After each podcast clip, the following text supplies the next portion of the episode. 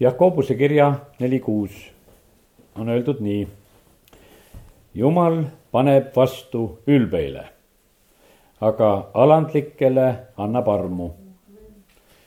mõni tõlge ütleb veel, et jumal sõdib ülbete vastu. ja vaata, osad inimesed lubavad endale ülbust siin selles maailmas, teadmata, et jumal nende vastu sõdib. esimese Peetruse kirja viienda peatüki viies ja kuues salm. nõnda samuti teie nooremad, alistuge vanematele. aga te kõik rüütage end alandlikkusega üksteise vastu, sest Jumal paneb suurelistele vastu, aga alandlikele annab armu. alanduge siis Jumala võimsa käe alla, et tema teid ülendaks õigel ajal või teise sõnaga, siin on öeldud ka samuti, et jumal paneb vastu uhketele. siin selle koha peal oli juttu nendest vanematest, neid, kes siis juhivad äh, kogudust, ütleme, see viies peatükk räägib nagu sellest, et eelkõige on just selline äh, koguduse sisene selline olukord siin võetud siis jutuks. ja, ja sellele on siis sellised juhised Apostel Peetruse poolt tegelikult antud ja täna see selline sõnum ongi nii, et, et jumal otsib siin selles maailmas neid, keda ta saaks tarvitada ja ta tarvitab neid inimesi, kes on alandlikud. ja, ja ega neid äh, nii kerge leida ei ole, ega neid nii väga palju ei ole. ma mõtlen, et kui need laps sünnib siia sellesse maailma, siis ega, ega ta valdavalt nii väga alandlikuks ei sünni, sest kui vaatad sedasi, kõik nad võitlevad nagu oma koha eest siin päikese all et saada enda kätte mänguasju ja saada endale positsiooni ja saada seda kohta nendele, mis meeldib ja. ja ütleme, et see võitlus on nagu selline üsna, üsna inimeses lihtsalt olemas, et ei ole lihtsalt, et, et noh, võib-olla mõni laps ongi alandlikum, aga, aga üleüldine tendents on ikkagi selline, et, et ega see nagu üks selline eriti kaasasündinud omadus ei ole. ja, ja sellepärast neid ka mitte nii väga palju ei ole. aga issand tarvitab alandlikke ja, ja tema teeb suuri asju tegelikult just selliste inimeste kaudu. meie issanda koha pealt on väga selgelt öeldud sedasi, et Mattiuse evangeelium üksteist kakskümmend üheksa. võtke enda peale minu ike, õppige minult, sest mina olen tasane ja südamelt alandlik ja te leiate hingamise oma hingedele. päris hea õpetus. vaata, kui oleme tasased, õpime seda ja siis on tõotatud selle koha pealt, et alandlikud saavad kergemini seda hingamist kätte ja sellepärast kiitus Jumalale, et, et Jumala sõna avab meile neid nii olulisi asju. Luuka evangeeliumi üks viiskümmend kaks on öeldud seda, et Jumal tõukab võimukaid troonilt. see on nii oluline teada, et meie ei peagi väga muretsema nagu nende, nende võimukate pärast, inimesed on väga mures, et vahest mõni president jääb väga kauaks ja ja ütlevad, et noh, näed, et vaata, kus türann on jäänud sinna ja istub seal nii kaua ja me ei saa, suuda kuidagi maha võtta. aga näete, jumala sõna eh, avab meile tegelikult väga, väga selgelt. Eh, ta on tõuganud maha võimukad troonidelt ja ülendanud alandlikke. ja sellepärast on see nii, et, et kui eh, ka mõni president püsib kaua, siis tähendab see seda, et ta tegelikult on alandlik meile see võib tunduda niimoodi, et kuule, sa oled nii kaua, et kuule, et, et äkki sa ikka ei ole seda. sellepärast, et see on selline eh, pigem teiste inimeste tahtmine, et nad tahaksid võib-olla seda kohta juba ammu endale saada. aga üldiselt me näeme sedasi, et, et jumala sõna on tõde. kui Nebukat-Netsargi, näed, läks vahepeal ülbeks, siis me näeme sedasi, et tõmmati kohe ta sinna rohtu sööma ja niikaua, kui ta siis ära alandati ja ühel hetkel hakkas jälle jumalat kiitma, siis ta sai tagasi ja anti talle veelgi, veelgi suurem võim ja sellepärast, kallid, nii see on, et me võime üsna usaldada seda, et, et jumal on ka jälgimas, on väga jälgimas ka neid, neid võimukandjaid. et see ei ole mitte ainult inimeste teema, et meie peame kõik need asjad ära lahendama, et oskame valida ja ja oskame neid maha võtta või mis iganes, me näeme sedasi, et jumal on ise tõotanud oma sõnas, et ta seda, seda teeb. Apostel Pauluse koha pealt on Apostlite tegude kahekümnendas peatükis üheksateistkümnendas salmis öeldud ja nähtavasti ta ütleb seal seda ise tegelikult ka enda kohta, kus ta on väljendanud nii. teenides issandat kõige alandlikkuse ja pisaratega ja katsumustega, mis mind tabasid juutide salasepitsuste tõttu. ja, ja ta lihtsalt räägib sedasi, et kuidas ta seda tööd on teinud ja, ja ta ei häbene ütelda sedasi ka, et, et see töö, mida ta on teinud, ta on pidanud tegema seda alandliku meelega. ja Pauluse selline ütlemine teise Korintuse kirja seitsmenda peatüki kuuendas salmis, et jumal julgustab tegelikult alandlikke, aga jumal, kes julgustab alandlikke, on meid julgustanud Tiituse tuleku kaudu. aga vaata, see esimene mõte on sedasi, et, et kui sa tahad julgustust saada jumala käest ja sul nagu julgust puudub, siis on niimoodi, et jälle on üks võti nagu selle jaoks, et kui sa oled alandlik, siis jumal on tõotanud oma sõnas, et ta teeb seda. ja sellepärast kiitus Jumalale, nüüd eh, võtame veel mõned sellised äh, nagu kokkuvõtlikud kohad, kus on lausa teatud loetelu, et millised me siis jumala rahvana olema peame, kõigepealt võtan lahti kiri kolosslastele kolm, kaksteist. rõivastuge siis nagu jumala valitud pühad ja armastatud südamliku kaastundega, lahkusega, alandlikkuse, tasaduse ja pika meelega. üksteist taludes ja üksteisele andestades, kui kellelgi on teise vastu kaebust, nii nagu issand teile on andeks andnud, nõnda tehke teiegi. ja, ja siis on öeldud veel, et armastus selle juures on selleks täiuslikuks sidemeks. ja nüüd, kui vaatad sedasi, kõik see rõivastus, mis siin oli nimetatud, see oli üsna tagasihoidlik, seal on kaastunne, seal on lahkus, alandlikkus, tasadus, seal on pikk meel. Rick Joyner on ütelnud sedasi, et vaata sellises vaimulikus võitluses eh, on väga oluline see, et meil see alanduse kuu üle meie peal, et siis me ei ole saatanale nähtavad, uhked on nähtavad, nad tükivad esile aga vaata, alandlikele antakse armu ja nad on isegi tegelikult nagu ka peidus ka, ka vaenlase silma eest ja sellepärast kiitus Jumalale nii, et, et küll on head õpetused. Efesuse neli, üks ja sealt edasi.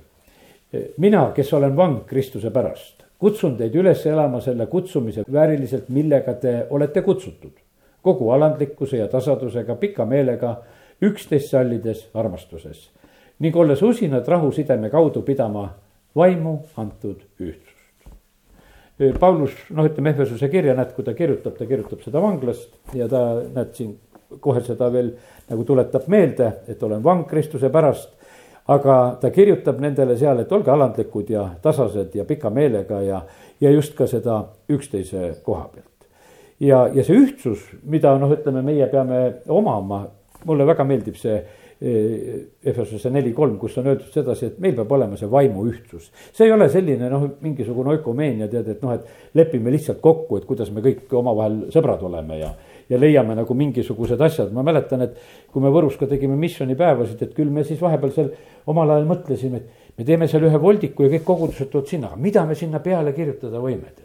Et kõigile see nagu sobiks ja meeldiks. Ja siis vaatasime, no meie isa palve saame kirjutada, no kirjutame meie isa palve sinna peale. siis mõtlesime, et apostliku usutunnistused, selle ka võib kirjutada.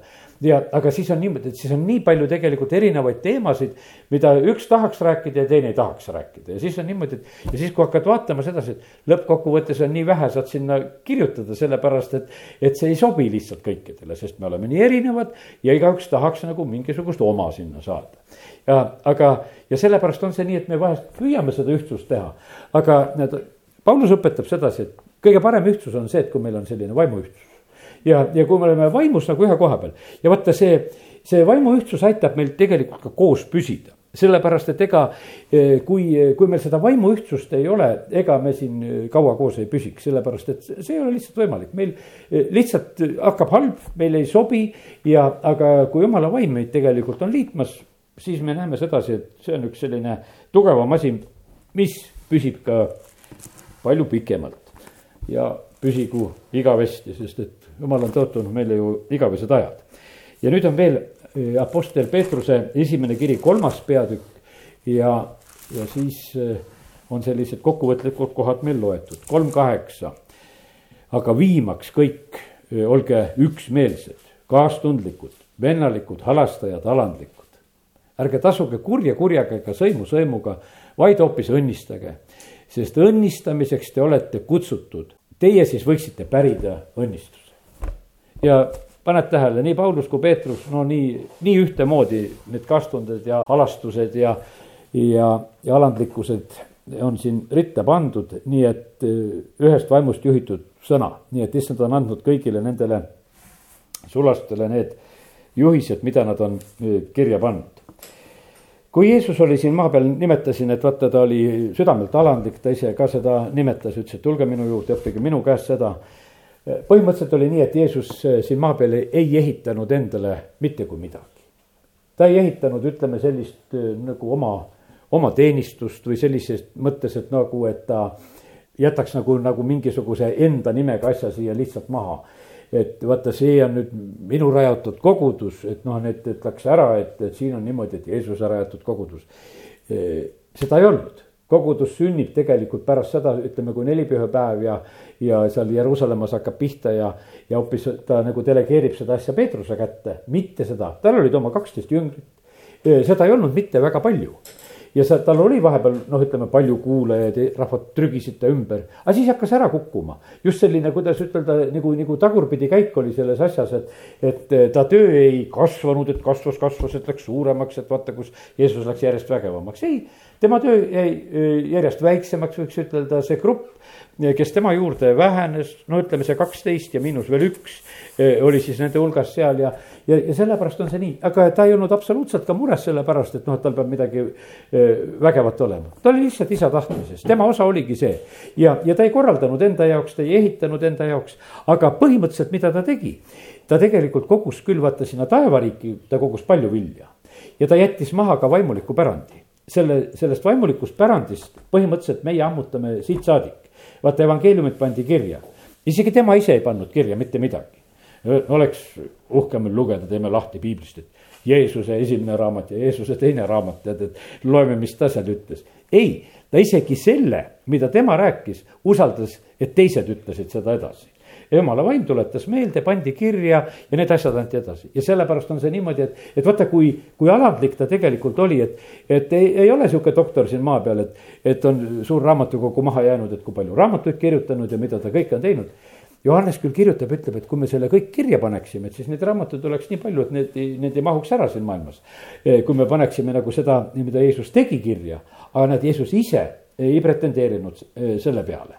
ja, ja ka see on põhimõtteliselt on meile selline eeskuju, et ta samamoodi nagu ta ei trüginud noh, mingisse nagu sellisesse eh, positsiooni. kaugel sellest ei trüginud ta tolleaegsesse vaimulikku ellu. templit puhastas ja rääkis seal templis oma teatud kõned aga ta seal ei trüginud, et kuule, et ma tahaksin ka siin preester olla. Et ma, ma võiksin ju ka seal midagi olla, et mida te siin teete, tead, et ma, ma tahaks ka midagi olla, sest kui paljudel inimestel on nagu tahtmine, et, et saaks ka nagu mingisuguse positsiooni ei ta küsinud seda sünagoogis, ei ta küsinud seda templis, ei ta küsinud seda mitte kuskil. ta oli täiesti rahul sellega, et see osa, mis ta kätte oli antud, võiks ütelda, see pisikene kogudus, mis talle oli antud ja sellepärast olgu see eh, alati meile ka nagu selliseks julgustuseks, et me ei pea olema siin selles maailmas mingisuguse suurte asjade tegijad. sest et isegi meie issand ei olnud nagu sellises mõttes eh, mingisugune suurte asjade tegija ja eeskuju näitaja meile. ja, aga ta tegi võiks ütelda, kõige suuremad asjad siin selles maailmas ära, mis teha üldse sai ta lunastas terve inimkonna, ta tegi tegelikult kõik selle eh, alandlikkuse kattevarju all, ta vahepeal ütles, et ah, ärge rääkigegi minust või. et ära mine rääkima, et mis ma sulle tegin ja tead, ta pigemini tõmbas nagu tagasi ja vahepeal läks, peitis ennast ära tühja paika. et eh, noh, et ta ei otsinud igast võimalust, et, et kus, kuhu mind veel kutsutakse, et äkki ma saaksin veel kuskile, et kas mõni, mõni, mõni sünagoog või kogudus mind veel kutsuks, et, et ma saaksin jutlustama minna. absoluutselt ei olnud sellist muret, et kuhu ma, kuhu isa saatis, seal ta rääkis tuli üks Samaria naine, tal oli sellest küllalt.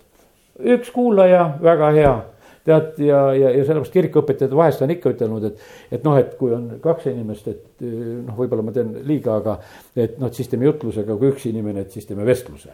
et, et, et siis jutlust ei tee, et, et aga, et noh, et sest et noh, paraku vahest on niimoodi, et no kirik on nii tühi, et no lihtsalt ei olegi kedagi eriti tulnud, mis sa teed siis, eks. aga Jeesusel ei olnud ka see mitte mingisugune nii probleem ütleme, et milline õpetus, mis on meil Johannese evangeeliumi neljandas peatükis, mida ta põhimõtteliselt jagas nagu sellele ühele naisele ja oli valmis nagu temaga tegelema seal ja, ja sellepärast eeskuju kui võimas.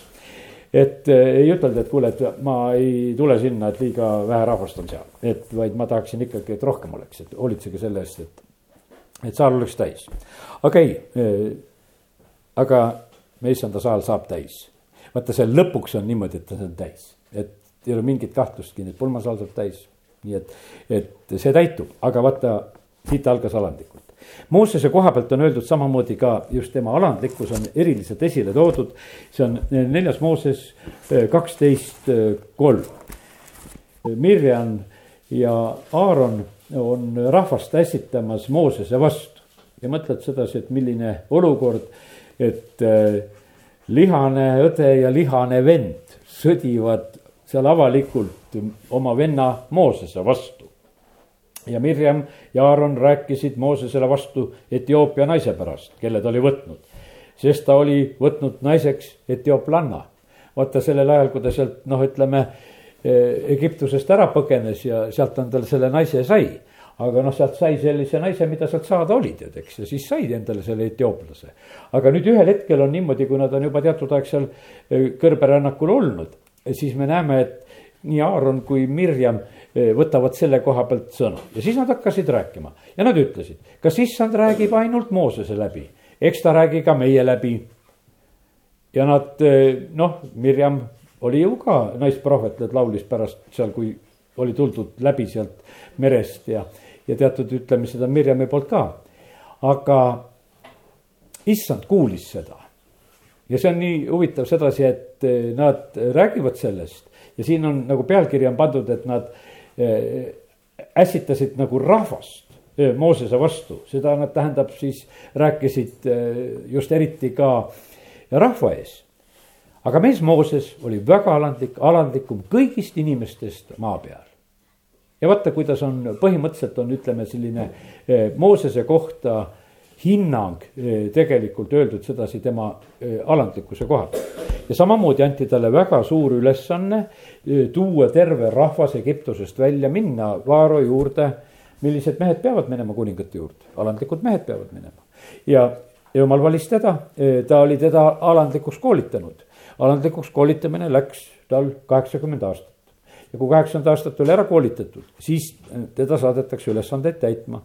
ja, ja siis on nii, et et jumal on ise teda kaitsmas ja issand ütles äkitselt Moosesele, Aaronile ja Mirjamile, minge kolmekesi välja koguduse telgi juurde ja nad läksid kolmekesi. ja issand ise astus siis alla pilvesambas ja seisis telgi uksel ja kutsus Aaroni ja Aaronit ja Mirjamit ja mõlemad läksid. ja siis ta räägib neile, kuulge ometi mu sõnu, kui teie prohvet on issand oma, siis mina ilmutan ennast temale nägemuses, räägin temaga unenäos nõnda aga ei ole mu sulase Moosesega, tema on ustav kogu mu kojas temaga ma räägin suust suhu ilmsi, mitte nägemuste ja mõistatuste läbi. tema võib vaadata issanda kuju, mispärast ei ole kartnud rääkida vastu mu sulasele Moosesele. issanda viha eh, süttis põlema ja siis on niimoodi, et Mirjam on siis eh, kaetud ka pidalitõvega ja kui Aaron pöördus Mirjani poole, siis vaata, ta oli pidalitõbine. no põhimõtteliselt oli niimoodi, et vaata Aaroni positsioon, mis tal oli preestrina, see teda kaitses, et sellepärast teda pidalitõvega ei löödud sest et ega ennem Aaron ära ei surnud ka, kui tal see kuub maha võeti ja, ja siis, ja siis oli niimoodi, et vaata, ta oli selles, et vaata, kuidas on tegelikult jumala sulased on nagu sellise erilise kaitse ja positsiooni all, keda jumal on, keda jumal on pannud ametisse. ma ei mõtle seda, et igaüks, kes on ise ametisse hüpanud ise, kui paljud on ise sellised hakanud, et ma ka, ma ka tead, ma ka teen midagi, tead. Neid eh, igasugu tegijaid jätkub, aga siin on väga selge lugu, aga nüüd Mirjamil ei olnud seda sellist eh, vaimulikku positsiooni osel, otseselt ja sellepärast tema peal oli siis see pidalitõbi näha. Ja eks ta sai alandlikuks ka sellisel hetkel, kui ta seda eh, pidi siis ka kogema. Eh, Mooses kaotab üheks korraks oma alandlikkuse ja ja see on siis sellisel hetkel, kui talle kord seal öeldakse sedasi, et kuule, et sa pead ütlema sellele kaljule, aga ta tegelikult seal lööb vastu, vastu kaljut, see on see neljas Mooses kahekümnes peatükk ja, ja me näeme seda, et pärast seda, kui Mooses nagu sellest aru sai, et, et noh, ta oli jumalat väga pahandanud selle asjaga. Et kakskümmend kaksteist, et aga issand ütles Moosesele jaanuarile, sellepärast, et ei uskunud minusse ega pidanud pühaks eh, mind Iisraeli laste silma ees, ei saa teie seda rahvast viia ja kogudust sellele maale mina, mille mina neile annan. ei saanud Aaron ja ei saanud siis Mooses, eks Aaron ju suri ka veel ennem, eks. ja, ja nii, et jumal pani ka sellepärast piiri nii Aaronile kui Moosesele lihtsalt sellesama loo pärast, et, et nad ei olnud sellel hetkel kuulekad, kui jumal ütles, et võta kepp kogu kogudus kokku ja ütle sellele kaljule nähes, et see annaks, annaks vett. Meie olemus on selline, ma võin enda ühe sellise näite tuua oma elust, ma mäletan sedasi, et kui oli Juhei Eh, see laulupidu, eh, viies laulupidu oli tead ja seda Võrus peeti ja meie kogudusega seal läbi, läbisegi see asi ka natukene toimus. ja minul oli ka teatud selline roll ja, ja minul on üks hästi, võiks ütelda minu enda jaoks hästi ebameeldiv mälestus, aga mida ma täna tuletan meelde, ei häbene ka meelde tuletada, et mis ma siis tegin. vaata, eh, need avaliku korra seadused ja asjad et noh, et kuidas tuleb neid rongkäikusid ja asju korraldada, noh, ütleme, et on avalikud koosolekud ja rongkäigud ja see on Eesti Vabariigi seadustes kirjas, kuidas need käivad, on igasugused korraldajad ja vastutajad ja. ja, ja korrapidajad ja kõik, mis selle juures peavad olema, et kui sa selle noh, koosoleku ära registreerid. mina aitasin seda asja nagu registreerida ja teha ja põhimõtteliselt oli niimoodi, et ma võtsin endale nagu selle ülesande, nagu selles seaduses on öeldud, et, et ma olen korrapidaja selles rongkäigus no seal oli nii, et politseiauto tuli ette, politseiauto tuli taha, sest me sealt kooli juurest sealt Kreutzwaldi kooli juurest marssisime kandleaeda läbi linna, noh lihtsalt oli see laste rongkäik seal läks. lapsed ööbisid seal Kreutzwaldi koolis ja said seal süüa, oli selline suurem lugu seal, eks. ja teate, ja minul oli selline tead nagu kitsas tunne, et mis korrapidaja ma seal olen, et noh, nagu mingisugune kooli korrapidaja või tead, et no umbes korista klassi ja umbes laps käes ja, et oled sa korrapidaja. ja mina kirjutasin selle oma sildi peale korraldaja ma mäletan, minu jaoks oli see nii tähtis, et kas sa oled korraldaja või korrapidaja, ma ei tea, kas keegi seda lugeski, mis mul rinnas oli. aga mul endal oli see tähtis, sest mul oli sihuke tunne, et kuule, korrapidaja on ikkagi natuke liiga all. et ma panen parem korraldaja, noh, peaaegu samad tähed. teate, kui ma tagantjärgi seda mõtlen no milline minu uhkus, mida ma taga ajasin. kas oled see korrapidaja või korraldaja, tead, et ei suutnud nagu seda, seda nime kirjutada. aga see on mul eluaeg on selline meeles ikkagi tead, vaikselt kõrvetab, täna, täna tunnistan teie ees oma, oma rumalust ja pattu, mida tead teed, eks, et, et ja jumala, anna andeks. aga vaata, aga milles on, see on puhas see uhkuse juur, mis on sees. see ainult toitis seda. teistel oli suva, mis selle Toivole rinde oli kirjutatud, aga mul ei olnud sest et vaata, see puudutas mind ja, ja niimoodi tegelikult me lihtsalt oleme, näed, ja, ja need on niuksed pisiasjad tegelikult, kus on võib-olla noh, ütleme eh, noh, võiks ütelda selline eksimine, et noh, mingis mõttes ju see võib tunduda meile selline, et noh, umbes, et pastakas on peos, et kas lõid või ei löönud, tead. aga teate, need on nii prohvetlikud asjad, need löömised asjad, kas sa lööd või ei löö. seal on niimoodi, et vaata, kus seal eh, kuningale öeldakse, et prohvet ütleb, et löö nende noortega vastu maad. lõid kolm korda, kolm korda võidad miks sa peatasid, miks sa rohkem ei löönud, sa oleks löönud päriselt, kui sa oleks rohkem löönud. et vaata, isegi ka need prohvetitel on need, need liigutused ja löögid ja asjad. ja, ja mis need korraldused vahest antakse, neid tuleb täpselt teha seal ei ole sedasi, et noh, et umbes, et, et natukese teeme, et nagu endal oleks ka meeldivam, et noh, kuule, väga imelik on see, mida jumal meie käest ootab. aga nii, nii paraku ongi, aga näed, see Moosese üks selline ja Aaroni selline eksimine, vaata jumal võttis nagu, kuidas ütelda, oma usalduse nende koha pealt ära. ütles, et teie ei vii. ja täna hommikul, kui ma olin nagu issand ees, ma panin nagu kirja sedasi, et, et, et sealt edasi oleks olnud ohtlik nende meestega. sest et vaata, kui, kui jumal ei oleks reageerinud sellele momendile, et nad ol-, võisid teha niimoodi, et nad praegusel hetkel käitusid eh, nagu selliselt, mitte täpselt, kuidas jumal ütles, siis järgmine hetk nad oleksid teinud veel hullemini.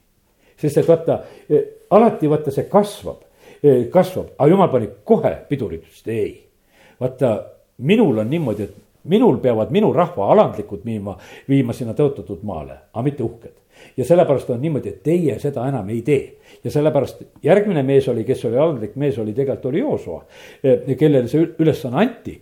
sest et vaata, Joosua oli noorest põlvest saadik tegelikult olnud Moosese teener ja vaata, milline positsioon, et, et ega mina näen sedasi, et inimestel on vahest väga kehva selline. Eh, nad ei taha, no näed, nagu oma lugu rääkisin, et ei taha neid alandlikke positsioone tead, eks. aga, aga jumalale meeldivad need inimesed, kes püsivad ja kes väga kaua vahest püsivad ka mingisuguses alandlikus positsioonis. ja, ja see on äh, esimese või neljanda Moosese üksteist kakskümmend kaheksa ja lihtsalt on tema kohta siin öeldud. siis võttis sõna Jooso, Nuuni poeg, Moosese teener oma noorusest alates. ja ütles, Mooses, mu isand, keela neid. nüüd on niimoodi, et siin on, kui seal need olid need prohvetlikud rääkijad siis, siis noh, ütleme Joos oli ka sedasi nagu oli häiritud, et seal kaks meest, kes ei olnud prohvetite hulgas, rääkisid ka prohvetlikult, nähtavasti oli see nagu see moment oli seal. aga nüüd on nii, et, et siin on nagu öeldud nagu Joosua koha pealt sedasi just, millele ma tähelepanu juhin, et ta oli Moosese teener oma noorusest alates ja, ja ütleme, et ega ta harva võttis sõna, ütleme, et eh, nendel perioodidel. siin on üks kord, kus tal oli samamoodi, et ta leidis sedasi, et, et eh, noh, et et ei ole vaja seda ütelda, mäletan noore mehena samuti, et läksin kord ühes Tallinna koguduses, kus me seal olime, läksin läksin ka karjast korrale kutsuma, tead karjane rääkis, et tuleb koguduse koosolek ja mida ta seal hakkab rääkima ja. ja mida, milliseid korralekutsumisi ta hakkab seal tegema. ma ei hakka täna seda nagu täpselt ütlema, minul oli selline, ei tead, et vend, et see on liig ja palusin, et kuule, et kas ma saaksin sinuga kokku. Läksin talle rääkima, et kuule, et ära sa seda nüüd küll teed, mis sul plaanis on, et ja läksin ütlema, ei ta muidugi naeratas ja tegi ikka seda, mida, mida ta tegi. sellepärast, et see minu ütlemine oli noh, nii, et, et sinna paika see nagu jäi, aga, aga noh täpselt nagu Joosa, püüdsin sõna ütelda, et kuule, Mooses, nüüd ma õpetan sind ka vahepeal, et mida ütelda. ja ometigi näed, Moosese koha pealt on öeldud, et tema kuulis jumala käest, mida ta pidi ütlema. aga vahepeal, no teener vaatas ka, et kuule, et ikkagi vist ei tule alati jumala käest nii palju kui vaja. Ja, aga Joosa oli veel sellel hetkel oli õpilase positsioonis. vaata, kui sa oled õpilane või õpetaja, eks seal on suur vahe vahel, et kes, kui sa oled juht juba ja eksid, aga kui sa õpilasena eksid, et teed oma koolitöö kehvasti, no see ei ole nii suur probleem, järgmine kord teed paremini. ja sellepärast Joosol sellest probleemi ei teki. ja, ja, ja kiitus Jumalale, et näed, võime natukese Joosust õppida. ma olen Jooso kohta mõned salmid ka märkinud. neljas Mooses kakskümmend seitse, kaheksateist. Ja issand ütles Moosesele, võta Joosoa, Nuuni poeg, mees, kelles on vaim ja pane käsi tema peale ja noh, ta on siis terve koguduse ees ja põhimõtteliselt antaksegi tegelikult äh, siis Joosale see rahva juhtimise ülesanne juba seal delegeeritakse ja antakse üle.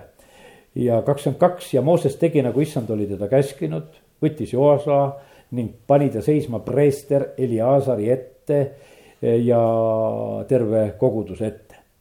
ta pani oma käed tema peale, andis temale kohustuse, nagu issand oli käskinud Moosese läbi. nii et toimub selline tema ametisse seadmine ja viies Mooses üks kolmkümmend kaheksa, loen ka veel selle salmi, kolmkümmend seitse salm loen ka. ka minu peale vihastus issand teie pärast. Mooses natukese lükkab rahva kaela, et te olite seal janused ja natuke närvilised. ja mina läksin ka närvi, öeldes, sinagi ei pääse sinna, nii et jumal vihastus ja ütles, et sa ei pääse sinna tõotatud maale. Joosua, Nuuni poeg, kes teenib sind, jõuab sinna, kinnita teda, eh, sest tema peab selle jaotama pärisosaks Iisraelile. nii et eh, see delegeerimine käis, jumal hakkas Joosut suureks tegema vaata niimoodi, et, et eh, nii nagu lugesime, see oli Peetruse kirjas, et, et ta teid ülendaks nagu õigel ajal.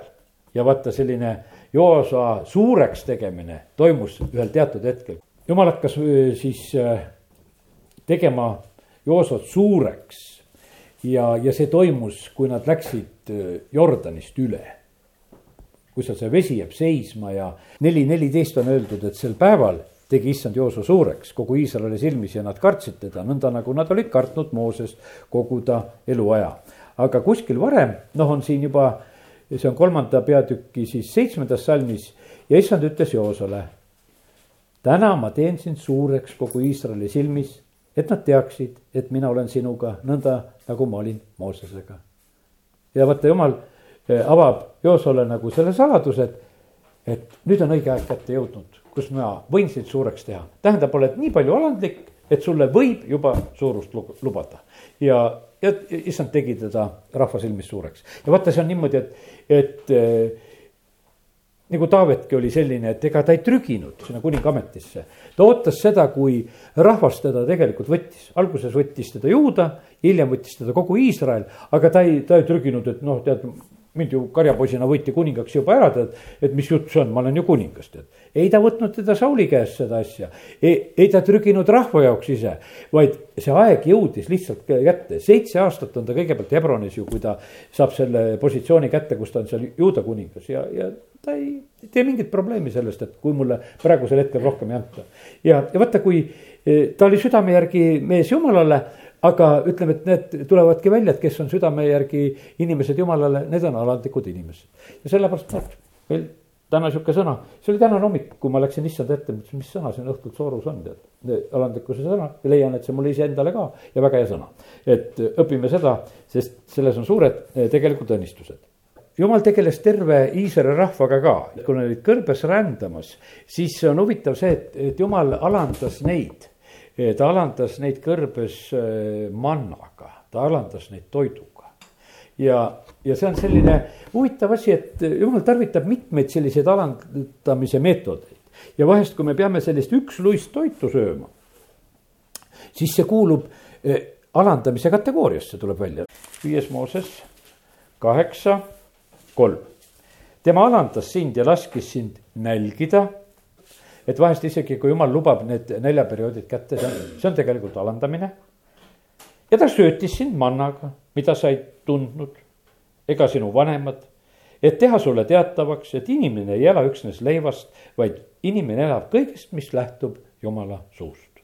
vaata, milline seos, et sul tekiks nälga ja jänu jumala sõna järgi, siis jumal isegi tarvitab seda nälja meetodit, et mis meile füüsiliselt saab osaks ja lihtsalt selline proovilepanek ja kuusteist salm on samamoodi veel öeldud sedasi. kes söötis sind kõrbes mannaga, mida su vanemad ei tundnud, et sind alandada ja proovile panna, et viimaks teha sulle head. kui me läheme nendest nälgimistest ja alandlikkusest ja, ja proovidest läbi, siis tasub meeles pidada sedasi, et paistab sedasi, et jumal viimaks tahab head teha. Et tal on midagi head plaanis, et ta on otsustanud meiega üldse tööd teha. sellepärast, et muidu ta võib lasta sellele uhke, uhke olla ja, ja ei vaatagi ta peale.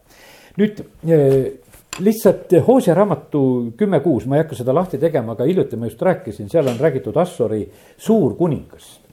Eh, see Assuri kuningas ise tarvitas enda kohta ka eh, nagu seda sageli nagu seda sõna, et tema on suurkuningas et tal oli nagu, nagu vähe sellest, et ta lihtsalt kuningas on. ta nimetas ennast suurkuningaks või noh, nagu on direktor ja on peadirektorid või noh, tead ikkagi, et sa saaksid veel sinna midagi juurde panna. Ja et oled natukese suurem, aga see koht, kus Oosia raamatus on öeldud, et seal on see, kus see kuldvasikas viiakse kingituseks sellele suurkuningale, see ei ole otseselt nüüd ise selle Assuri kuninga poolt öeldud ja ma mingil määral nagu näen sedasi, et vaata, jumal lubab siiski osadel kuningatel suureks saada. kuna Hoosial nagu seda tarvitab ka, siis ma mingil määral näen sedasi, et, et ka see Assuri kuningas oli selle perioodi see suurkuningas. teate, siin maailmas on, e, igal ajastul on need suurkuningad, e, ütleme, et igal riigil on mingi juht, aga mõned tõusevad nagu kõrgele. praegu on tegelikult siin selles maailmas tubli selline rebimise hetk kõik nad võitlevad, kas Ameerika, kas Venemaa, kas Hiina, eh, kes, kes saab selleks suurkuningaks sest et praegu nagu eh, see võitlus on väga tegelikult käit-, käimas, et noh, et kes saab selle positsiooni. kelle käest hakkab see kaduma, see on nii hädas, et kuule, et kuidas see läheb, et. et eh, ta ei tahaks ju seda positsiooni nagu kaotada, et milline riik nagu seda maailma valitseja positsiooni ka on, omab. aga me näeme sedasi, et jumal seda aeg-ajalt vahe, vahetab ja eks nad. Assuri järel tuli Paabel ka samamoodi, tegi omad lood ära seal, nii et, et aga lihtsalt nimetan seda, et me peame ka sellega leppima, et jumalal on teatud oma soosikud, kellele ta lubab seda suurust ja ka just ütleme täitsa paganate kuningate hulgast. ta lubab lihtsalt, et ta ütleb, et aga vaata, mul on sind tarvis, sa oled minu sulane, ma tarvitan sind ka. ja, ja, ja issand on see, kes teeb tegelikult suureks alandlikke ja sellepärast on nii, et mina ikka mõtlen sedasi, et kes kaua püsib ja, ja, ja kes omab nagu ühte suurust, siis tähendab, seal on alandlik sest et vaata, jumal oma sõna vastu ei lähe. E, ta ei hakka niimoodi neid uhkeid tegema suureks, need uhked ta tõmbab kähku maha, nagu lugesime ennem juba sealt Luke evangeeliumist. ja, ja sellepärast kiitus Jumalale, et, et jumala sõna meid julgustab ja, ja, ja see on tarkus, kuidas vaadata kuningate peale sest et inimesed siin plõksivad väga kergesti kuningate suunal sõnu. aga tark on sedasi, et loe jumala sõnast, kuidas tuleb kuningatesse suhtuda, kuidas tuleb nende eest palvetada, kuidas ei tohi isegi mõelda isegi ära oma mõttes nea, nagu kogu raamatus on öeldud kümme kakskümmend, et ära mõttes isegi nea seda kuningat. ja sellepärast jumal on nagu seda kõike tähele panemas, vaata, kuidas tema kuningaid valvab, et sul tuli halb mõte tema koha pealt, siis jumal, oot-oot-oot, ei tohi, sa ei tohi mõelda ka seda. Elisal oli eh, selline eh, positsioon, et tema valas vett Eelia käte peale ma ei lähe täna kaugemale, ma ei ole väga seda lugu üle vaadanud eh, tänaseks õhtuks, eks. aga me teame sedasi, et ühel hetkel, kui seal Eelia viskab oma kuue ta peale ja, ja, ja ütleme, et see tundub sedasi nagu eh, kuidagi väga selline. nagu selline nagu lühikene hetk, et vaata, seal oli, et, et varsti oli ju tegelikult Eelia taevasse minemas. aga, aga seal eh, teise kuningat kolm üksteist on kuningas Joosafat, kui nad otsivad vahepeal prohvetit, et kus me prohvetit saame nähtavasti oli see koht, kus nad seal Ahhabiga läksid vist eh, sõtta. ja siis oli selline lugu, et, et, et kus me saame ja siis öeldi, et kuule, et aga siin on see Liisa, eh, see, kes Eelia käte peale valas vett et vaata, jälle oli selline mitte väga selline suur positsioon, et no lihtsalt, et teine peseb käsi ja, ja, ja sina, sina kallad kannust seal peale. et aga näed, jumala sõna toob välja, vaata kogu aeg nagu seda sellist alandlikkust ma, teda leiti seal, kui ta see mantel peale visati, siis ta oli kündmas. siis ta ei olnud kuskil seda vett käte peale kallamas, eks. aga millal ta seda vett kallas või millal need perioodid olid? aga tähendab, see oli. Peetrus pidi minema läbi öö, oma alandlikkuse koolist ja Peetrus oli ka selline hästi impulsiivne ja, ja alati ta rääkis ja, ja, ja kiiresti tulid tema mõtted lagedale. Ega ta palju midagi ei varjanud, mida mõtles, seda ütles ja, ja muudkui tegutses, eks ja nüüd on niimoodi, et eh, tõotab issandale seal veel, et ma olen valmis sinust surema ka ja, ja aga näed, tegelikult oli see, kes reedab Jeesust, olgugi, et Jeesus teda hoiatas. ja aga see, see läbikukkumine tegelikult oli talle väga vajalik, see tegi teda alandlikuks. ja siis hiljem, kui Jeesus küsib kolm korda, et kuule, kas sa mind armastad.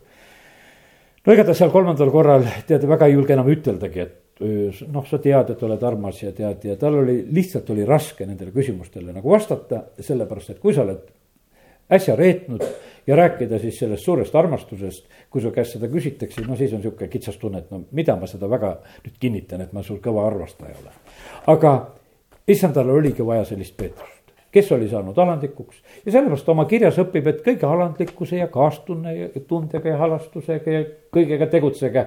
ja kui te olete ka koguduse juures, et, et vaata, Peetrus ei läinud nüüd nagu noh, ütleme nagu turja nendele koguduse inimestele ja õpetas teisi karjaseid, et kuulge, võtke asja rahulikult. Pastor Andrei Zapovalov hiljuti just oma jutluses ütles niimoodi, ütles, et kui ma kasvatasin oma lapsi, siis ma alguses oskasin neid kasvatada aga ütles, et kui nad teismeliseks said, siis ma enam ei osanud neid kasvatada. ma ütlesin, siit saadik ma õpetasin teisi ka, kuidas lapsi tuleb kasvatada. aga kui teismeliseks said, siis kui keegi tuli mu juurde, siis ma ütlesin, kuule, tead vend või õde, et jumal õnnistagu sind. umbes, ma palju ei tea midagi, et kuidas see asi käib. sellepärast, et vaata, kui, kui sellega hakkama ei saa, eh, see on tegelikult alandlikkuse kool. ja, ja see on, see on tegelikult väärt kool, sellepärast et kui me kõiges oleksime ühesõnaga nii tublid, et me ka kõik lapsed alati kasvatasime nagu ponksid kõik viie peale. no me võime uhkeks minna, siis jumal lubab meile vahest mõnega, kellega me justkui nagu hakkama ei saanud. jumal saab nendega hakkama hiljem küll, aga, aga, aga meie peame kogema sedasi, et meie ei saanud hakkama. ja, ja siis ongi niimoodi, et aga mis head juhtus, juhtus see, et saad alandlikuks, mul oli endal oli alandlikkuse kool samamoodi. ma olin Võrus, olin, üks periood oli niimoodi, et ma olin lastekaitsekomisjoni esimees ja. ja sinna toodi pahasid poisse ja toodi sinna ette, kel, kes koolis ei käinud ja halvasti õppisid ja õiendati nende kallal. ei, mina nendega õiendada tahtnud, ma olin kõigile armuline, mõtlesin, et olgu, tead, poisid on kõik tublid. et pole häda midagi, sellepärast, aga, sest et vaata, ma leidsin sedasi, et mida, mida minul on ütelda, kasvata sa neid, kuidas kasvatad, et jumal vahest lubab sedasi, et, et mõni kasvatab sind. ja, ja sellepärast on nii, et kiitus Jumalale nende laste eest ka, kes meid kasvatavad, halleluuja. milleks on üldse vaja peret ja milleks on vaja kogudust? ega me ei saa olla siukesed, et noh, mingisugused üksiküritajad, mingid nunnad ja mungad ja kuskile väga ära eraldume. teate, me siin üksteist tegelikult lihvime ja, ja sellepärast on see nii, et, et äh, issand tegelikult täiesti loomulikult kasvatab meid koguduse keskel. ja, ja mõni õde või vend on natukese nurgelisem, kes natukese rohkem sulle te, tekitab probleeme võib-olla, aga see kõik tuleb lõppkokkuvõttes kasuks. issand hoidis Joosepit nii kaua vanglas, kui ta oli alandlikuks saanud. ja issand ei andnud ja ei näidanud ennem Vaarule seda unenägu, kui Joosep oli valmis saanud. sellepärast, et vara näitad ja, ja tuleb selline poolküps unenäo seletaja, seda pole tarvis. jumal ootas, millal Joosep saab alandlikuks. ütles, et no nii, Joosepiga on valmis. nüüd näitame täna Vaarole seda kino, näitame nendest lehmadest ja nendest viljakõrtest ja kõikidest värkidest, las ta vaatab ja las ta mõtleb. ja las ta hakkab otsima, kes unenäo seletab. sest Joosep oli juba valmis ja siis tuuakse Joosep vangiurkast välja, riietatakse ringi, sest ta oli selle ülesande jaoks kõlbulik jumal otsib neid inimesi, kes on tema ülesande jaoks kõlbulikud. issand on tõotanud eh, meile, Eestimaale oma sulase läbi, kes kord prohveteeris ja rääkis, et ma tõstan sellel maal üles seitse-kaheksa juhti, kes juhivad selle maa õnnistuse sisse. ja issand ütleb mulle täna hommikul veel nagu selle koha pealt, need on alandlikud mehed. Nad annavad ruumi üksteisele, sest et vaata, kui Eestimaa on pisikene ja kui sul on siin mingi seitse-kaheksa juhti, neid on päris palju et äh, me maa ei ole nii suur sa võid natukese tülli minna, et palju mina juhin ja, ja palju siis sina juhid. kus see siis see minu territoorium on, kus mina võin seda äh, õnnistust külvata. aga need on alandlikud mehed, nad annavad ruumi üksteisele. Äh, nad ei ole endale haaramas midagi. ja, ja kes endale ei haara, nende kätte saan anda. ise haaratu pole sinu.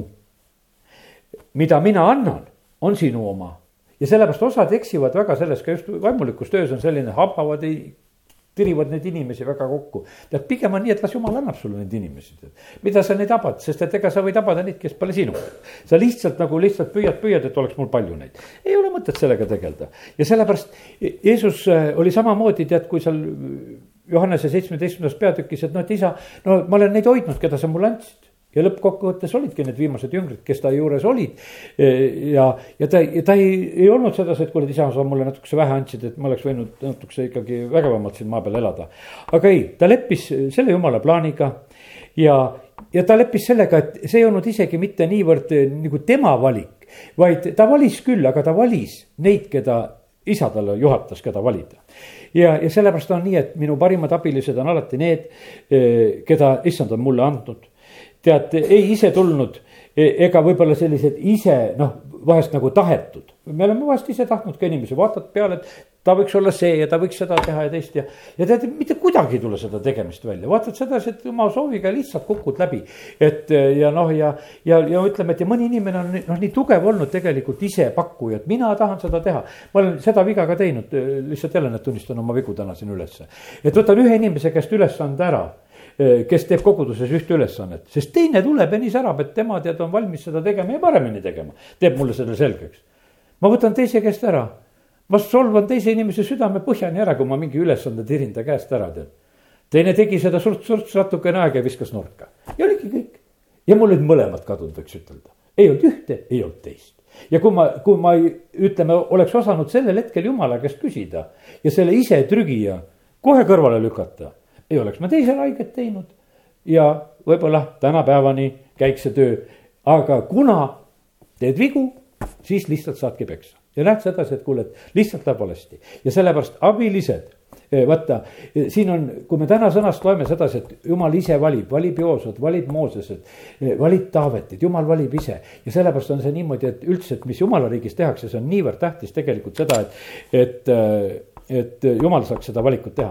no Ladina-Ameerika on selline huvitav, ma ei tea, kui sealt Youtube'ist hakkad vahest midagi vaatama, siis minule tuleb neid Ladina-Ameerika neid videosid praegu ette järjest niimoodi, tead, seal on niuksed eh, omamoodi eh, ühesugused ja naljakad videod on need, nagu võiks ütelda natukese, need on sellised umbes miljonär või, või mingisugune suure firma juht teeskleb, paneb ennast et kaltsudesse ja läheb tänava ette kerjama, on seal must ja pool pikali maas ja ja siis tal on niimoodi, et tal on selleks päevaks kutsutud uued inimesed, keda ta tööle tahab võtta ja, ja siis on niimoodi, ta paneb sinna veel raha maha. et ta, suured rahatähed küllaltki, et on maas seal ja siis e, on seal tänava peal maas oma selle töökoha lähedal, kuhu need inimesed on tulemas. no siis vaatab, et kuidas nad käituvad. no siis nendes lugudes on alati nii, kaks esimest käituvad väga halvasti. varastavad selle raha sealt ära, mis seal maas on ja, ja mõni veel lööb jalaga või noh, käitub päris halvasti või ütleb halvasti või noh, sihuke täitsa jama korraldab seal ja ja kolmas tuleb, kummardab, ütleb oi, et teil on siin raha maas ja paneb talle, annab selle kätte ja, ja paneb omast veel juurde ja. ja siis nad lähevad tuppa ja siis on nendel mingi kohvipaus alati on seal järgmine asi on. siis on niimoodi, et, et siis on niimoodi, et seesama sant tuleb veel eh, kohvipausi ajal ka uksest sisse. mõni seal viskab talle selle saiaga, et sah, võta see sai, teine paneb salvrätiku sisse, annab, et võta sööd, et ja.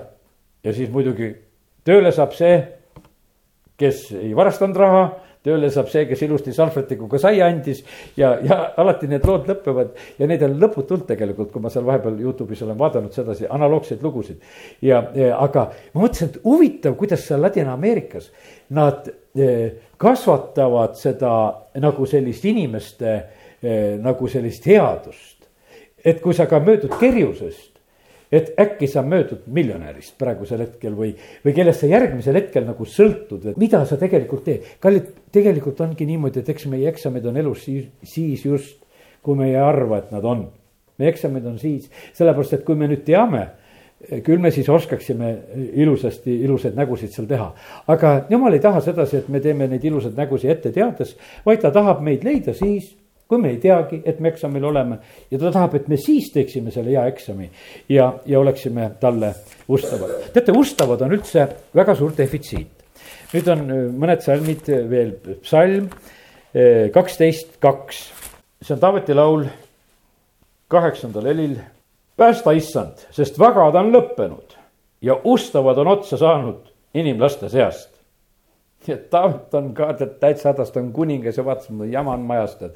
ei, ei ole vagasid ja ei ole ustavaid, et no mida siin praegusel hetkel teha on. no vaatame järgmise laulu. laul eh, kolmkümmend üks, eh, kakskümmend neli. armastage issandat, kõik tema vagad. issand varjab ustavaid. aga ta tasub rohkesti kätte neile, kes ülbesti toimivad jumal paneb suurelistele vastu. jumal sõdib ülbete vastu ja näete, Taavet juba ütles seda samamoodi, et issand tasub rohkesti kätte neile, kes ülbesti toimivad. ja sellepärast ma veel kord tuletan täna selles sõnas meelde sedasi. pange tähele neid presidente, kes on praegu siin nendel riikidel, kellele jumal rohkesti kätte ei tasu. tähendab, on alandlikud, tähendab, ei ole ülbed tähendab, ei ole seda, sest jumal on tõotanud, et ta ei jäta seda tegemata, jumal saab igale kuningale ligi. ja, ja näed, kuningas Herodes oli niimoodi, võttis au endale, järgmine hetk on ussidest sööduna langeb maha. ja, ja sellepärast on see nii, et ja, ja teist tahetakse siin mürgitada või tappa ja avata ei saada, sellepärast et ei ole see ülbe, jumal hoopis pigem kaitseb, varjab ja, ja meil on õppida selle kohta. nüüd laul eh, sada üks ja kuues salm. mu silmad otsivad ustavaid maa peal et nad elaksid mu juures. ma olen siia juurde kirjutanud, ma olen kunagi seda laulu eh, nagu niimoodi nagu mõtlikumalt lugenud ja kindlasti ka teisi tõlkeid juurde vaadanud, et kas need on jumala silmad või, või kes siin on otsimas, et see on Taaveti laul. ja ma olen pigem olen siia kirjutanud juurde, et see on Taavet, kes näed, ühes laulus see kaksteist kaks ütleb, et kuule, ustavad on otsa saanud ja ta ikkagi on sedasi samamoodi, et ta on otsimas, et oleks mul neid ustavaid, kes oleksid tegelikult minu juures. ma ütlen, et põhimõtteliselt on seesama, võib ka lugeda jumala kohta, et jumal on sedasama tegemas, mida Taavetki. et otsitakse ustavaid, jumalal on vaja ustavaid ja, ja kuningatel on vaja ustavaid. ja, ja kaheksas salm, igal hommikul ma hävitan kõik õelad maa pealt ja kaotan issanda linnast kõik ülekohtu tegijad. nüüd see on Taaveti laul ma olen kirjutanud siia juurde Rooma kolmteist endale, noh, selle salmi juurde. et vaata, kuninga kohus on niimoodi, et vaata õelatele kätte maksta. ja, ja siin on nagu täitsa mina vormis on kirjutatud sedasi, et igal hommikul ma teen asja korda tegelikult, et, et, et jumala linnas tegelikult neid õelaid ei oleks, nii et nii on. Taavet ise oli alandlik. Taavet oli ise väga avalik, kui ta tegi pattu, siis ta kahetses pattu avalikult, sest et me loeme tema laulusid, kus tal on tõsised patukahetsused, kui ta seal Betseba juures käis või mis iganes. Need on niimoodi, et ta laulab, nii et meie teame siin sajandeid, mis aastatuhanded hiljem, eks. sajandatest rääkimata. ja, ja laulude kaudu on tema süda ja terve tema olemus on nagu meile avatud. nagu täna juba ennem ütlesin, et ei ta pretendeerinud kuninga positsiooni, tal oli paar võimalust, et Sauli tappa esimesel korral ta lõikab selle kuue siilu ära sellel Sauli, noh, et kui see Saul seal oli kükitamas ja. ja, ja see pikk kuub oli maas ja ta mõtles, et võtan nagu tõenduseks, et sa olid mu juures, lõikan sul tüki kuuest ära. tal hiljem süda vaevab selle pärast ka, Taaveti peal oli püha vaim. ja nüüd on niimoodi, et vaata, ta oli võitud juba ju kuningaks sellel ajal kuninga, preestri ja prohveti peal oli Vana-testamendi ajal oli püha vaim. ja Taavetil oli kohe selge, et ma praegusel hetkel rikkusin teise riided ära ja tead ja mu süda lihtsalt praegusel hetkel vaevab sellest, ta tundis kitsast selle koha pealt ja vaata eh, noh, ja olgugi, et see, et ta oli selline vaenlane sellel hetkel, kes teda tahtis tappa ja tema tunneb isegi teise riide rikkumisest tunneb äh, nagu sellist kahjutunnet. ja, ja nüüd on nii, et äh, kui seal Abigail tuleb ühel päeval tema juurde oma mehe rumalust nagu seal päästma. ja Abigail ütles sedasi, et kuule, tead, et ära aita ennast oma kätega, et sa ei satuks veresüüsse, et noh, et. ja annab talle nagu seda tarka nõu. ja, ja, ja me näeme sedasi, et Taavet hiljem võtab Abigaili, kui see naabal on surnud. võtab Abigaili endale naiseks, sellepärast et talle see meeldis, see naine, et vaata, millise tarkusega tegelikult ta tuli. ütles, et ära aita ennast ise oma kätega, et ei ole tarvis seda teha. ja, ja sellepärast on see nii, et kallid alandlikud inimesed tegelikult näevad asju õieti. Taavet nägi koljati suurust õieti. vaata, tema oli niimoodi, teate, mille pärast tema nägi, et koljatiga saab võitlema minna? sellepärast, et tema jaoks oli jumal oli suur. vaata, kui jumal oleks pisikene ja koljat suur, no siis küll võitlema ei lähe, aga ta vaatas. jumal on suur, aga no koljat on ka suur, aga ikkagi väiksem kui jumal. ja mõtlesin, aga no kes on minu jumalast väiksem, sellega ma lähen võitlema ja sellepärast on see nii, et, et alandlikud tegelikult näevad asju õieti. sellepärast, et vaata, muidu on niimoodi, et meil on mingisugune e, vale nägemine, sellepärast et teate, oma suurus e, mõjutab üldse nagu väga nägemist. vaata, kui sa oled ise suur, siis sa näed tegelikult teisi inimesi valesti. E, sa teed teisi väikeseks või noh, ütleme, sa alandad neid valesti ja sul on valesti tegelikult näed. üldse on selline, et kui sa ise oled väga suur ja kui sa oled oma silma ees suur, sa üldse võib-olla teisi asju ei näe. vaata, kui sa oled iseenda silma ees väga, kui sa paned enda silma ette midagi väga iseennastki, no sa ei näe üldse enam teisi sellepärast, et vaata, sul on niimoodi, et sa oled kaetud lihtsalt selle koha pealt. ja, ja sellepärast oli see nii, et väga tähtis on see, et, et äh, alandlik inimene oleks samamoodi just nagu alandlik sellepärast, et ta võiks asju õieti näha õiged võrdlused äh, aitavad meid siin selles maailmas nagu hakkama saada. seal teise Korintuse neljanda peatüki lõpus räägitakse, et see silmapilkne kerge ahistus saavutab meile määratult suure ja igavese au nagu Paulus räägib. see, vaata kõige selle peale, mis iganes siin selles maailmas toimub praegusel hetkel, see jant, mis siin ümberringi käib ja mida nad veel välja mõtlevad. selle peale saab niimoodi eh, mõelda, et ah, tead, pole midagi, sellepärast et selle auga võrreldes. Nad ei suuda niikuinii mitte midagi teha, nad ei tee võrreldavatki selle au koha pealt. see on nii tühine, see, see on nii lühike ja, ja, ja nii mõttetu tegelikult, millega nad siin maadlevad ja tahavad sellega suured olla. ja, aga meile on antud see elu, see silmapilk, mis me tegelikult siin selles maailmas elame, see sada aastat on antud meile, et meie valmistame, valmistaksime ennast ette tulevase elu jaoks, et me oleksime selleks valmis. sest et ühel päeval tuleb meile see tähelepanu valmis olla läks ja teate, mis siis on? ja siis on mine oma issanda rõõmusse, nagu Mattiuse kakskümmend viis, kakskümmend üks on öeldud. ja see tuleb nendele, sina hea ja ustav sulane. aamen